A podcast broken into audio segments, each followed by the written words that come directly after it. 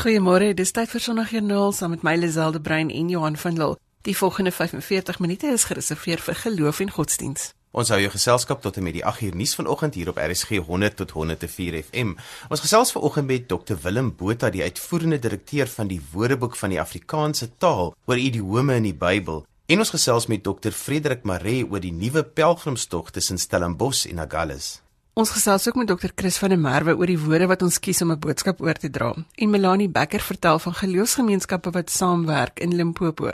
En dan dokter Janie Leroux laastens wat inskuif om vir ons 'n woord van inspirasie te gee. Jy kan meer inligting kry oor vandag se Sondagjoernaal op RSG se webwerf by rsg.co.za of as jy sommer net vir ons wil hallo sê, kan jy by ons sosiale media bladsy draai gaan maak. Die inligting is ook daar gelaai. Tik Sondagjoernaal met 'n koppelteken in by die soekopsie van Facebook en word deel van die gemeenskap daar.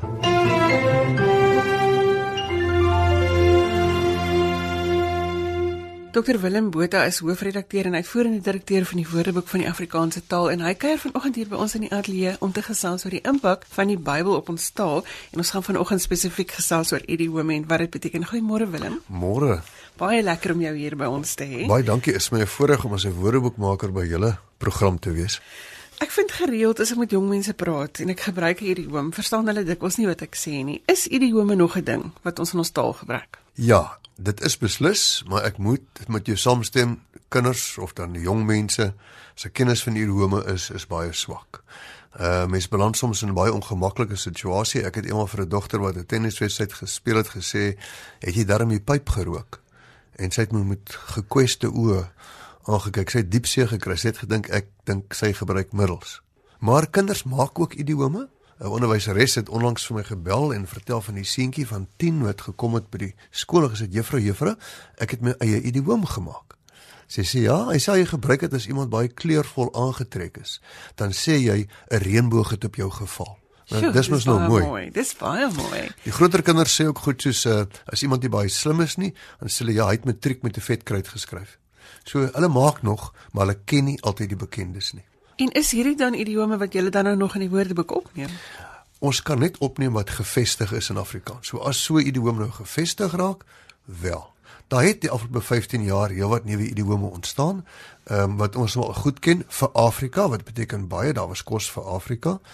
Dis nie die dood van Katrine nie, wat beteken dis nie so erg nie. Uh, gooi milies, wat beteken gaan aan, laat waai. 'n Hond uit 'n bos praat of eet of werk. 'n lyn sny is om haastig pad te gee.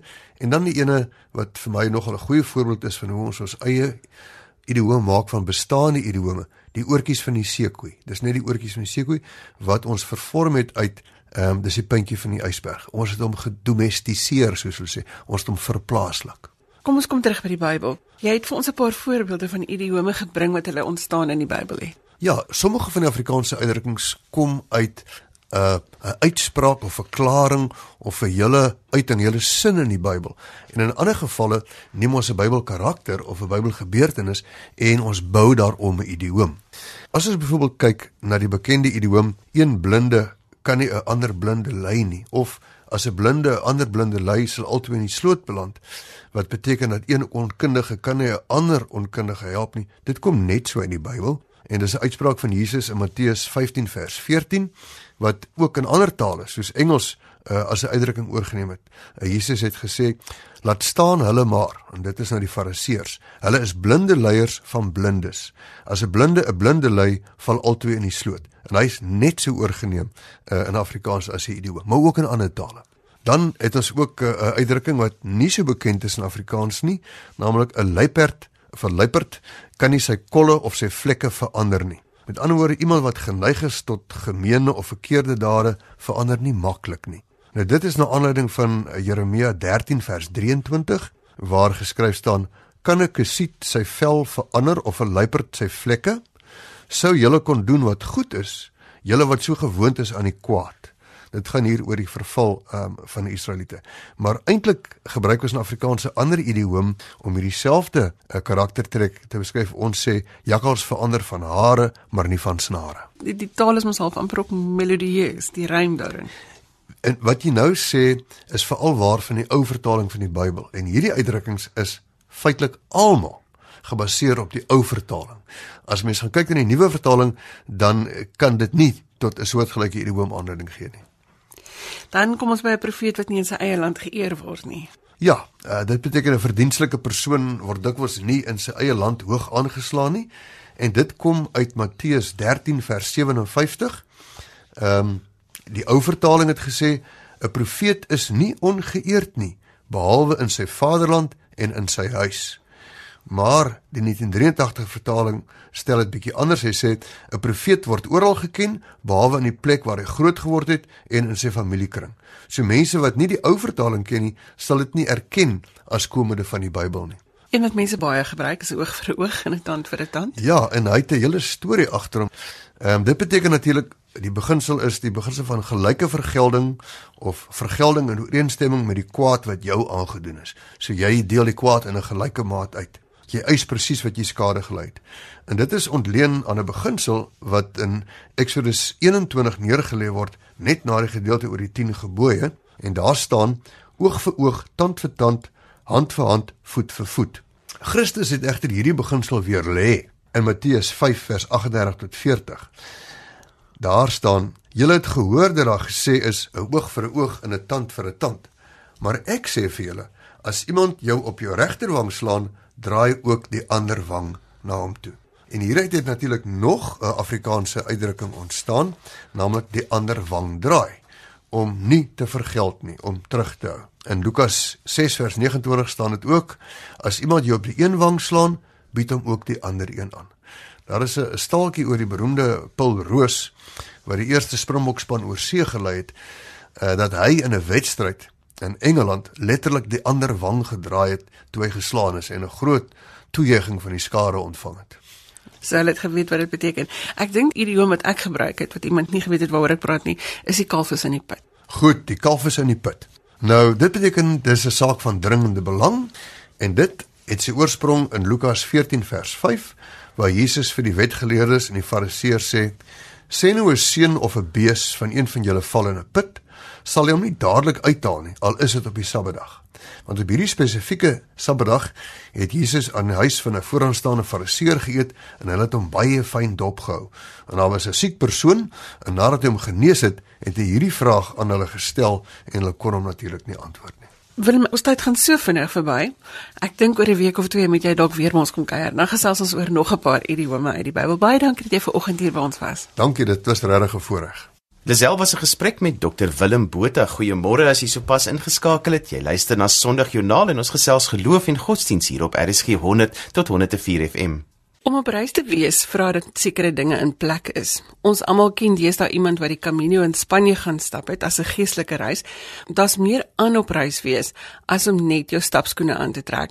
'n Nuwe pelgrimsroete sommer hier op ons eie bodem, is die een tussen Stellenbosch en Agulhas en Frederik Maree sluit by ons aan om hier oor te gesels. Goeiemôre Frederik. Goeiemôre Lisel. Frederik, hoe kom ons eie pelgrimsroete? Hoe het julle te werk gegaan? Hulle selfs soos jy gesê het, uh, is dit 'n gewilde iets wat mense deesdae uit Suid-Afrika aanpak. Dikwels gaan mense Spanje toe om die Camino te gaan stap. Uh, maar dis duur en ons het gedink maar hoekom ontwikkel ons nie iets op ons eie bodem nie?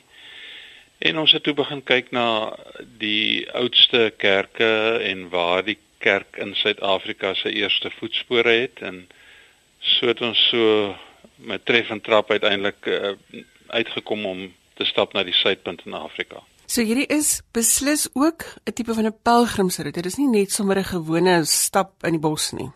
Absoluut, ons ontwikkel dit as 'n geestelike dissipline of 'n geloofsgewoonte. En so die klem is daarop dat jy stap tussen die oudste kerke soos ek reeds gesê het en dat jy terwyl jy stap ook met 'n innerlike reis besig is.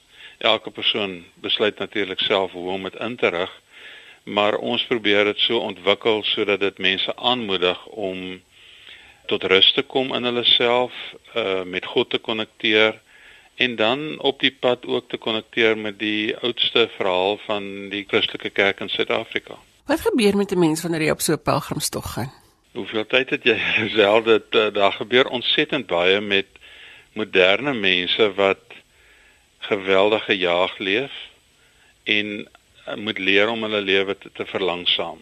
So wat met jou gebeur is jy keer na binne, veral hier so by dag 4, 5 begin soos ons pelgrim sê begin die pad jou te vat. Dan kom jy in 'n stapritme, jy staan in die oggend op. Jy stap rustig, jy rus langs die pad, jy eet jou kos, jy praat met die mense langs die pad en jy maak tyd vir 'n joernaal skryf of 'n gebed. So jy begin op 'n baie dieper vlak te konnekteer met jouself en onwillekeurig gaan jy ook in gesprek met God. So dit is baie meer as om net jou voete in die stofpad neer te sit. Dit is amper asof jy jou jou gedagtes ook in die stofpad neersit. Kyk, die lewe soos jy gesê het is 'n reis en geloof is ook om op reis te gaan met die lewende God. So ongelukkig in ons soort samelewing is ons baie gefokus op uitkomste en wat ons doen en uh hoe suksesvol ons is daarmee. Hierdie is 'n baie ou klassieke geloofsgewoonte wat uh, nou ja van die vroegste tyd af kom waar mense hulle self gee vir so 'n tyd waar hulle nou wel na 'n spesifieke punt stap, maar die eintlike ding is op pad gebeur daar goed met jou wat jou help om met die plekke in jouself waarmee jy gediskonnekteer het weer in gesprek te gaan. Frederik, dink jy 'n gewone stap in 'n berg op 'n Sondagoggend kan dieselfde doel bereik? Nee, dit is natuurlik 'n goeie ding om te doen. Uh ons het 'n pragtige land en daar's uh, soveel moontlikhede vir mense om dit te kan doen. Maar 'n pelgrimstog is oor 'n tyd heen. So jy moet genoeg tyd uitsit sodat jy langsamerhand tot rus kan kom in jou gemoed. En die stap se ritme dit rustig maak in jouself. Uh so daar gebeur veel meer met jou op 'n pelgrimstog as net om op 'n oggend lekker te gaan stap en die mooi natuur te bewonder. Daar's 'n dieper rus wat na jou toe kom. Jy het self die Camino gestap. Jy het nou self die Suid-Afrikaanse roete gestap, dit uitgewerk stukkie vir stukkie. Wat moet 'n mens prakties doen as jy op so 'n reis gaan? Uh laat ek begin deur te sê ek dink 'n mens moet reg wees, uh emosioneel en geestelik reg wees om jouself te kan gee vir die pad soos wat ek dit nou beskryf het. Nou ja, dan die heel heel heel belangrikste is uh die regte skoene. Moet asseblief nie met nuwe skoene gaan stap nie. Lekker stewige stapskoene. Uh, dan jy 'n rugsakkie nodig. Uh pelgrims het die soort van gewoonte om wat jy met jou saamvat op jou rug te dra en ons sê gewoonlik so 10% van jou liggaamsmassa. So moenie te veel goed vat nie. Vat so min as moontlik, maar jy vat dan 'n ekstra stel klere, uh miskien 'n pleister of twee en 'n lekker paar stapskoene en as jy in die winter stap natuurlik iets wat jou teen die reën en die koue kan beskerm. Frederik, as mense nou wil inligting kry oor die Suid-Afrikaanse stap tussen Stellenbosch en Agulhas, waar kan hulle gaan aanklop? Daar's 'n e-posadres en ek gaan dit nou gou gee: toerusting by sun.ac.za.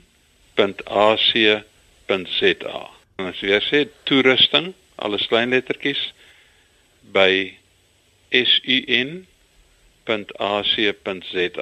En dan gaan Adrian Bester vir julle meer inligting kan stuur. Hulle kan haar ook telefonies kontak by 021 808 3381 of 2. Hoe veilig is dit vir my om alleen te stap? Dis 'n belangrike vraag in in Suid-Afrika om te vra. En ek gaan eers net so klein bietjie agtergrond vir jou gee. Ons ehm um, het die roete so ontwikkel dat hy van Stellenbosch af by al die oudste dorpe en kerke verbystap tot by uh, Agallas en ons stap uh, meestal uh, agterpaaie in die distrikte of selfs soms ook wandelpaaie. Uh daar het nou al 'n hele klomp uh stappers dit gestap en ons het nog geen veiligheidsrisiko's of probleme gehad nie. Maar ons moedig mense aan veral dames om nie alleen te stap nie maar in groepe van 3 of meer, so 3 tot 10 uh te stap. En daar is ook aanwysings op hierdie roete soos wat daar by die Camino is, die die geel, die skulpie en die pyltjies. Uh, ons is besig om dit aan te bring, maar dit is nie oral ewe ewe goed aangedui nie. Uh, so ons is nog met die ontwikkelingsfase besig. Maar ons gee vir mense in die handleiding volledige kaarte wat hulle uh, presies help hoe om te stap met aanduidings en al die telefoonnommers en inligting wat hulle nodig het indien daar iets sou gebeur langs die pad. Maar eh, soos ek sê, daar is al heelwat ehm uh, ons gebruik rooi pile en die lighuis by Agulhas as ons teken. Frederik, as ons moet saamvat so in een sin vir mense wat nou wel op 'n pelgrimstog wil gaan, wat sal daai sin wees? Uh jy gaan stap op pelgrimstog om 'n nuwe hoofstuk in jou lewe te begin. Dit gee vir jou die ruimte om innerlik tot rus te kom en te konnekteer met die God wat jou geroep het en met jou wil praat oor die nuwe hoofstuk in jou lewe. So ons moet miskien afsluit met te sê wees voorberei dat jy gaan verander. Absoluut. Ek het uh soos jy sê die Camino gestap en nou ja, dit het my lewe baie diep geraak en ons wil hiermee vir meer mense in Suid-Afrika die voorreg gee om dit te kan doen. Frederik baie dankie vir die saamgesels vanoggend. Dankie, dit was 'n voorreg. Dis Sondagoggend, die lente is met ons en jy's ingeskakel op Sondagjoernaal waar ons godsdiens en geloof gesels. Gesels gerus saam op ons SMS-lyn by 34024 natuurlik teen 'n rand per SMS of jy kan vir Lazelle 'n e-pos stuur met jou storie by lazel@vvmedia.co.za. Ons hoor graag van jou.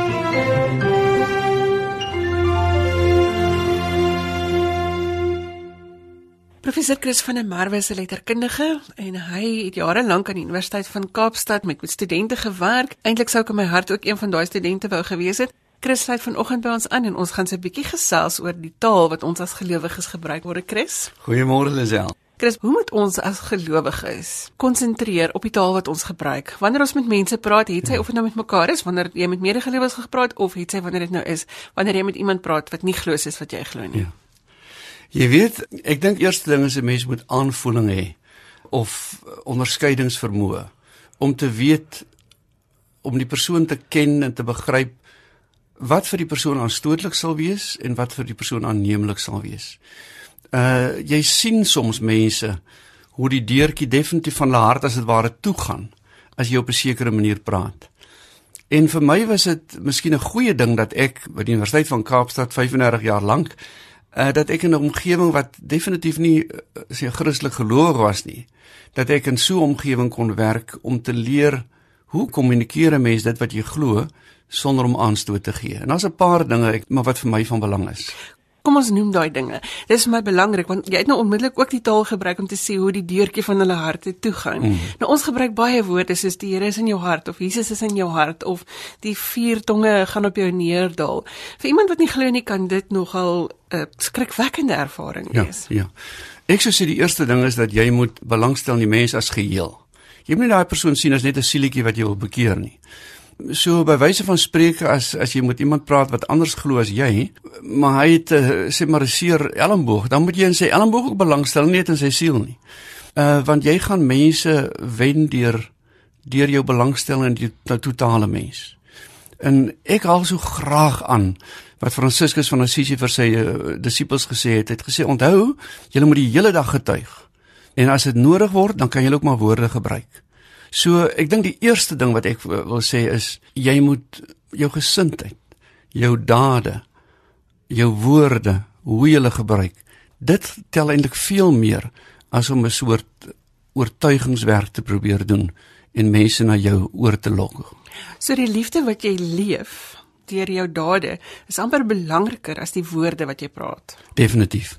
Jy weet ek het 'n vorige boek geskryf oor die wonder van die goddelike liefde. En toe het ek gesê die liefde moet in elke situasie anders vertaal word. Ooreenkomstig die persoon met wie jy praat en ooreenkomstig die situasie waarin jy jou bevind. Een van die heerlike ervarings in my akademiese loopbaan was om saam te werk met 'n vrou wat 'n Joodse rabbi is. Sy's in die Joodse Hervormde Kerk, né? So met ander woorde, daar kan vrouens ook maar rabbies wees. En ons het saamgewerk oor kursusse en sy het geweet ek is 'n Christen en ek het geweet sy is uh, sy's 'n Jood, sy's Jodin, baie oortuigde Jodin. En ons het nie na mekaar gekom toe ons ons kursusse aanbied met die doel ek wil jou oortuig om soos ek te glo nie. Maar juis die feit dat ons mekaar se verskille gerespekteer het, het gemaak dat ons later spontaan kon gesels oor verskille. Ek het vir gesê, "Jong, die Nuwe Testament het dan wragtig nie so interessante karakters soos Jakob nie." Ek sê eh, Petrus is so die arme man se Jakob, maar daarom nie heeltemal nie. Toe sê sy, "Ja, maar jy weet, ek het weer nie teologie nie. Ek weet nie presies wat gaan met my gebeur as ek sterf nie." En ons kon op 'n spontane manier daaroor gesels en dit dink ek is uh is iets wat gebeur het omdat ons mekaar wederzijds gerespekteer het. So waarvoor moet ons uitkyk, Chris? Wat is die taal wat ons moet gebruik? Dit is baie moeilik om om jy weet om een reël vir almal te gee. Maar ehm um, vir my wat interessant is, ek het 'n boek gelees wat ehm um, dis 'n lang titel van Brian McLaren oor jy's oor verdraagsaamheid teenoor mense wat anders as jy glo. En toe het hy vertel hoe dat hy hoe dat hy met 'n moslim gesels het en hulle het gepraat oor die verskille. En hy vertel toe wat Jesus vir hom beteken en toe hy weer sien toe sien hy hierdie moslim imam met 'n het trane in sy oë. Hy dink o, magtie, wat het ek nou verkeerd gesê? Toe sê hy kom, kom as jy nou bewoe, hy sê want jy weet wat hulle vir my gesê het oor Christene is so anders. Want vir ons beteken Jesus ook verskriklik baie. En uh, ek wil nie 'n algemene reël gee nie. Maar jy weet, ehm, 'n um, storie wat ek graag ook vertel is die Afrikaanse skryfster MER wat 100 jaar oud geword het en so na die einde van haar lewe so graag gesê het: "Ag God, dank vir Jesus." Jy weet, daar's baie dinge wat ons nie verstaan nie, maar sy lewe en sy leer blye inspirasie. En ek dink, ek weet nie of mense dit uh, aanstootlik sal vind as ek dit sê nie, maar daar's ook ooreenkomste tussen ehm um, Jesus en Boeddha. Uh Boeddha wat gesê het ehm um, jy moet jouself sigtig begeertes moet jy aflê. Ehm um, ek wil nie sê dat uh, jy weet dat uh, vir my bly die Christelike wêreld nog die weg by uitnemendheid. Maar miskien moet mense ook jou oë oopmaak om te kyk watter parallelle is daar, watter raakpunte is daar. En dat ons, jy weet in Afrikaans het ons net een woord leer en Engels het hulle die woord teach and learn. En dat ons miskien terwyl ons besig om te teach, moet ons ook gewillig wees om 'n bietjie te learn van mense wat anders as ons dink. Wat van die kunste? Met ander woorde, ek praat van die skryfkuns, hmm. van gedigte, van stukke wat geskryf is waaruit 'n mens kan leer. Hoe kan ons daaruit ons spiritualiteit gaan verryk? Weereens is moeilik om 'n algemene ding te sê want daar is so groot verskeidenheid van gedigte en van van romans. Maar jare gelede onthou ek um, met Bertha Smit by 'n bekendstelling van haar laaste boek Juffrou Sofia vlug vorentoe het sy gesê die letterkunde stel die vrae die kerk het antwoorde. En uh, vir my is dit een ding dat 'n mens nie in die eerste plek die ehm um, letterkunde moet lees. Dit hang natuurlik daar's baie verskillende soorte, né? Daar's gelowiges ook wat geskryf het. Maar selfs die wat vir ons lyk na ongelowiges, wat vir ons lyk na beeldestormers. Baie keer is hulle juis die mense wat vir ons sê, "Maar hier lê ons die vinger op die wond in ons samelewing. Hieraan moet ons aandag gee." En dit is waar die liefde 'n woord moet praat. Chris, dit is inderdaad vir my 'n gesprek sonder einde wat ek en jy kan hê. Baie dankie dat jy ver oggend so 'n bietjie vir ons die taal wat ons praat ontsluit het. Dit is 'n groot plesier. Lisel het gesels met Dr. Chris van der Merwe. Jy luister na Sondagjoernaal net hier op RSG 100 tot 104 FM en wêreldwyd by rsg.co.za. Jy kan ook inskakel op DStv se audiokanaal 813. Melanie Becker sluit vanoggend by ons aan van 'n klein boeregemeenskap met die naam Vivo en ons gaan gesels oor hoe verskillende gemeentes in hulle streek saamwerk ter wille van geloof. Môre Melanie. Goeiemôre Johan. Jy gaan nou eers vir my moet verduidelik waar in die wêreld is Vivo? Johan, Vivo is 'n baie baie klein dorpie, 100 km noord van Pietersburg. So Melanie, toe ek julle nou raak lees in die Bybelgenootskap se saaier, was ek nogal nuuskierig om te weet hoe julle duisende mense mobiliseer om deel te wees van julle inisiatief. Waar het hierdie stap begin? Johan, um, die Afrikaanse Protestantse Kerk van Dendron se hoërskool jeugaksie was in 2009 het hulle uitreik aksie gehad in Botswana waar hulle daar gaan Bybels uitdeel het. Hulle het dit so geniet, die kinders het teruggekom met baie storieetjies sê die die jeugkommissie het toe besluit om 'n projek te loods waar ons um, kan geld insamel sodat ons meer Bybels bekostigbaar kan kry en meer betrokke te raak by Bybelverspreiding. Omdat ons so klein gemeenskapie is en met vyf kerke, 'n klein dorpie het ons gewoonlik baie kerke. Dit het ons maar besluit om die ander kerke te nader en te vra of hulle nie wil help nie want ons alleen gaan dit nie kan regkry nie want ons het nog wel 'n groot droom gehad vir ons projek. En ons het hulle gekontak en almal het gesê ja, Jesus, hulle wil baie graag deel word van dit en hulle het ingespring en 'n paar maande later het ons die eerste funksie aangebied. 300 mense gehad. Ons het so 70000 rand die eerste jaar ingesamel. Ons staan nou 2015 was daar omtrent 1000 voetgangers gewees wat wat daar was, wat voete op die terrein gewees en ons het ons staan nou vir die vir die 7 jaar het ons nou al 1.1 miljoen rand aan die Bybelgenootskap oorbetaal. So hoe werk hierdie stap? Johans, um, mense skryf spanne in. Dit kan boerdery spanne wees, besighede, ehm um, families, gesinne, partykeer is dit klomp maats wat saamkom. Dan kan jy 'n span inskryf van 15 lede. Ehm um, Party mense kom, hulle wil glad nie stap nie. So dit is nie net vir mense wat wil kom stap nie. Ons het ook geen verpligting aan hoeveel rondes jy moet stap nie. Hulle kom, die spanne skryf in en hulle kom en dan stap hulle al om die om die rugbyveld. Ehm um, jy hoef nie heeltyd te stap nie. Daar hoef ook nie heeltyd iemand op die baan te wees nie. Maar ons probeer maar die mense aanmoedig om meer te stap sodat hulle hulle kan wys ook hulle hulle ondersteun Bybelverspreiding. Ons het die laaste jaar het ons besighede gehad wat ons geborg het as ons sê nou maar 4000 rondes vir die dag kon stap of 7000 rondes dan gee hulle vir ons 'n addisionele bedrag van 20000 rand. So die hierdie goed het die mense nogal aangemoedig om te te bly stap. Vir, vir die res van die dag het ons so baie aktiwiteite op die baan, so die kindertjies stap en as hulle moeg word, dan gaan speel hulle bietjie en dan later stap hulle weer. Die wonderlike ding is is dat julle die vyf verskillende kerkgenootskappe op die dorpie kon kry om almal deel te neem. Verduidelik bietjie vir ons wat beteken dit vir julle dat die kerkgenootskappe so kan saamwerk? Sjoe Johan, ek sê dit is vir my as ek as ons nog 'n rand kon kry vir elke keer wat ons daai vraag gehad het, dan sou ons 'n paar rand gehad het. Wat ons het is uniek. Ehm um, baie mense wil by ons weet hoe kry ons dit reg? Nou na 8 jaar wat ons dit nou al saam sit en hierdie ding beplan, is dit vir my snaaks hoekom mense so sukkel om die ding reg te verstaan want dit is vir ons eintlik so maklik. Ons sit almal daar met tafel, ons hanteer die hele projek. Ek dink ons kyk nie na mekaar se kerke nie. Ons kyk oor wat daar is, wie wat sê of nie wie wat sê nie. Ons kyk oor wat gesê word en ons hanteer die inset en ons hanteer die reëlings. Dit gaan nie so seer oor wie dit is en of wat se kerk die reëling tref nie. Ons ons hanteer regtig die die reëlings en die projek saam. Ons vergeet eintlik as ons daarom sit wie van watter kerk af is. Wat beteken hierdie projek vir jou persoonlik op jou geloofspad? 'n Stap vir Bybels op sigself is vir my 'n ongelooflike geloofsreis. Elke aspek van die projek slaan my alsa elke jaar van voor af weg. Om terug te kom na jou punt toe. Ek is baie vas aan my eie kerk. Um, ek hou van ons ons manier van dinge doen. Maar ek dink en dis 'n baie groot maar ek het nog nooit 'n ander kerk veroordeel vir sy manier van dinge doen nie.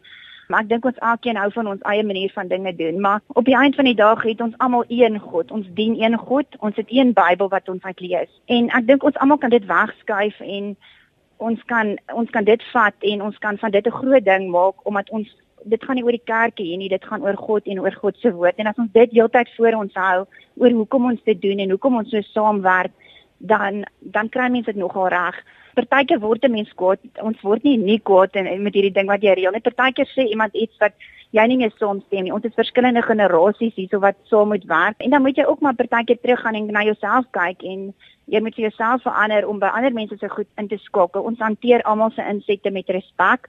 Maar ek dink as jy jou Christen beginsels gebruik, hier, ehm um, dink ek maak dit makliker. Weereens ons veroordeel nie iemand wat iets dalk doen soos wat jy dit nie sou gedoen het of nie dink soos jy dink nie ons probeer regtig dit voor oë hou waarvoor hierdie ding gaan. Melanie, wanneer is julle volgende stap en hoe kan mense inligting kry daaroor? Ons volgende stap is die 17de September. Ons het 'n Facebookblad Stap vir Bybels. Hulle kan daar aansluit of inligting daar kry. Hulle kan myself kontak. My nommer is 082 772 3857. Hulle kan vir ons ook 'n e-pos stuur na admin@stapvirbybels.com www.co.za. Baie dankie Melanie. Baie dankie Johan. En so gesels Melanie Becker oor die inisiatief op die klein dorpie Vivo om geld in te samel vir Bybelverspreiding. Altyd lekker as gemeenskappe so saamwerk. Ons gesels weer met Dr. Jannie Leroux. Môre Jannie. Môre Jannie. Môre Johan, môre Lisel. Jannie, kom ons gesels 'n bietjie oor woorde wat wys jou reis met God. Dink jy regtig ons woorde verraai so baie van ons? Ek dink ons almal vergeet hoe kragtig ons woorde is. Die feit dat ons woorde kan vorm om ons emosies te beskryf, het ontsettende krag. Die woorde wat ons gebruik beïnvloed ons gedrag en dit op sy beurt beïnvloed weer wat ons glo en dink en dit beïnvloed weer hoe ons voel. Byvoorbeeld, as 'n taxi busie vanoggend voor my indruk in die verkeer, dan kan my woorde die intensiteit van hierdie ervaring beïnvloed. Ek kan byvoorbeeld sê, "Jou liderlike lummel, ek raak sommer woedend as jy dit doen." Dan voel jy woedend. As jy jouself nog nie keer nie, dan wys jy vir die persoon allerlei vriendelike verkeerstekens met jou vingers en vuiste. Maar as jy sê, "Seën vir jou. Ek weet jy wil 'n klomp mense betyds by hulle werk kry," dan voel jy heeltemal anders. Dit begin nie met die woorde wat ons uitspreek nie. Alles begin met die woorde wat ons gebruik om ons gedagtes te formuleer. Ons woorde wat ons gebruik, kom eintlik uit ons hart uit, uit ons diepste innerlike uit. Jesus herinner in Matteus 12 vers 34 waar die hart van vol is, loop die mond van oor. Jou woorde verraai wat in jou hart leef. Jou woorde verraai hoe naby jy aan God leef. Jou woorde wys eintlik jou reis met God. Nou wat mense nie altyd besef nie, is dat jy met jou woorde ook 'n toekoms positief of negatief beïnvloed. As jy byvoorbeeld altyd kla, die lewe is swaar, dan gaan jy dit regtig as swaar beleef. Jou brein help jou redes vind hoekom die lewe swaar moet wees en dan begin jy so leef. As jy sê ek is niks werd nie, dan gaan jou brein al hoe meer redes vind hoekom jy waardeloos is. En kort verlang begin jy dit glo en jy begin so optree en dan behandel ander mense jou naderhand asof jy niks werd is nie. Jou brein vorm deurlopende neurologiese bane volgens wat jy gereeld dink en sê. So as jy net negatiewe woorde gebruik, gaan jy negatief wees. Omgekeerd, as jy positiewe woorde gebruik, bring dit groei, dit bring hoop. Positiewe woorde nooi wonderlike idees en fantastiese mense in jou lewe in. As jy woorde spreek wat jouself bly verneder, dan gaan jy in die land van mislukking bly. Maar as jy sê, ek geniet dit om God te verheerlik met my gesindheid en gawes, help jou brein jou om dit nog meer te geniet. Jou hele houding verander en ander mense raak lus om jou te help. Of byvoorbeeld sal jy sê, vandag is die dag waarin God se goedheid my gaan verras. En dan sien jy al hoe meer van God se goedheid raak. Omdat jy so waarderend praat, begin jy meer uit oorvloed leef en ervaar jy die lewe as meer geseën. Jou woorde is 'n selfvervullende profesie en hier's die geheim. Jy nooi die tipe toekoms en die lewe wat jy wil hê na jou toe aan met die tipe woorde wat jy gebruik. Ja nee, ek was onlangs 'n onderhoud doen en ek was geskok oor die woorde wat net eenvoudig by my mond uitgekom het. Is daar enige raad daarvoor want dit is dit gebeur baie keer net.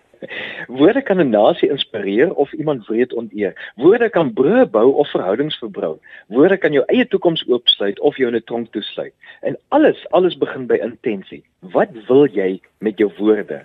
As jy oopstel vir die Heilige Gees, dan begin jou woorde die geur van die vrug van God aanneem liefde, vreugde, vrede, geduld, vriendelikheid, goedhartigheid, getrouheid, nederigheid, selfbeheersing. Dit raak nou die geur van jou taal en toekoms. En wat uit jou mond uitkom, gaan vertel waar is jy in jou reis met God. So meer jy saam met God is, hoe meer gebruik jy woorde wat die vrug van die Gees kenmerk. En intensie begin altyd met 'n keuse. Jy kies met hulp van die Gees om sulke opbouende, toekomsoopsluitende woorde te gebruik. So Janes, jy vir ons een wenk het vir die week waarop moet ons fokus? Begin net vandag met hierdie gewoonte en dit is praat woorde van waardering. Woorde van waardering ontsluit 'n wonderlike reis saam met God. Dankie Jannie, ons kan meer van Jannie lees by sy blog www.jannieleroe.co.za of jy kan vir hom skryf by jannie@jannieleroe1woord.co.za. Dis tyd vir ons om te groet. Volgende Sondag is ons weer hier op dieselfde tyd met nuwe stories uit die wêreld van geloof en godsdiens. Stuur gerus vir Lazelle e-pos as jy jou storie met ons wil deel by lazel@vvmedia.co.za. Ons gaste vanoggend was Dr Willem Botha, die uitvoerende direkteur van die Woordeboek van die Afrikaanse taal, wat ons 'n bietjie gesels het oor idiome in die Bybel. Dr Frederik Maree het vir ons meer vertel oor die nuwe pelgrimstog tussen Stellenbosch en Agulhas en Dr Chris van der Merwe het gesels oor die woorde wat ons kies om 'n boodskap oor te dra en Melanie Becker het ons vertel van die geloofsgemeenskappe wat saamwerk in die dorpie Vivo. Ek groet tot volgende week van my Johan van Lille. Totsiens. Tot volgende week. Totsiens.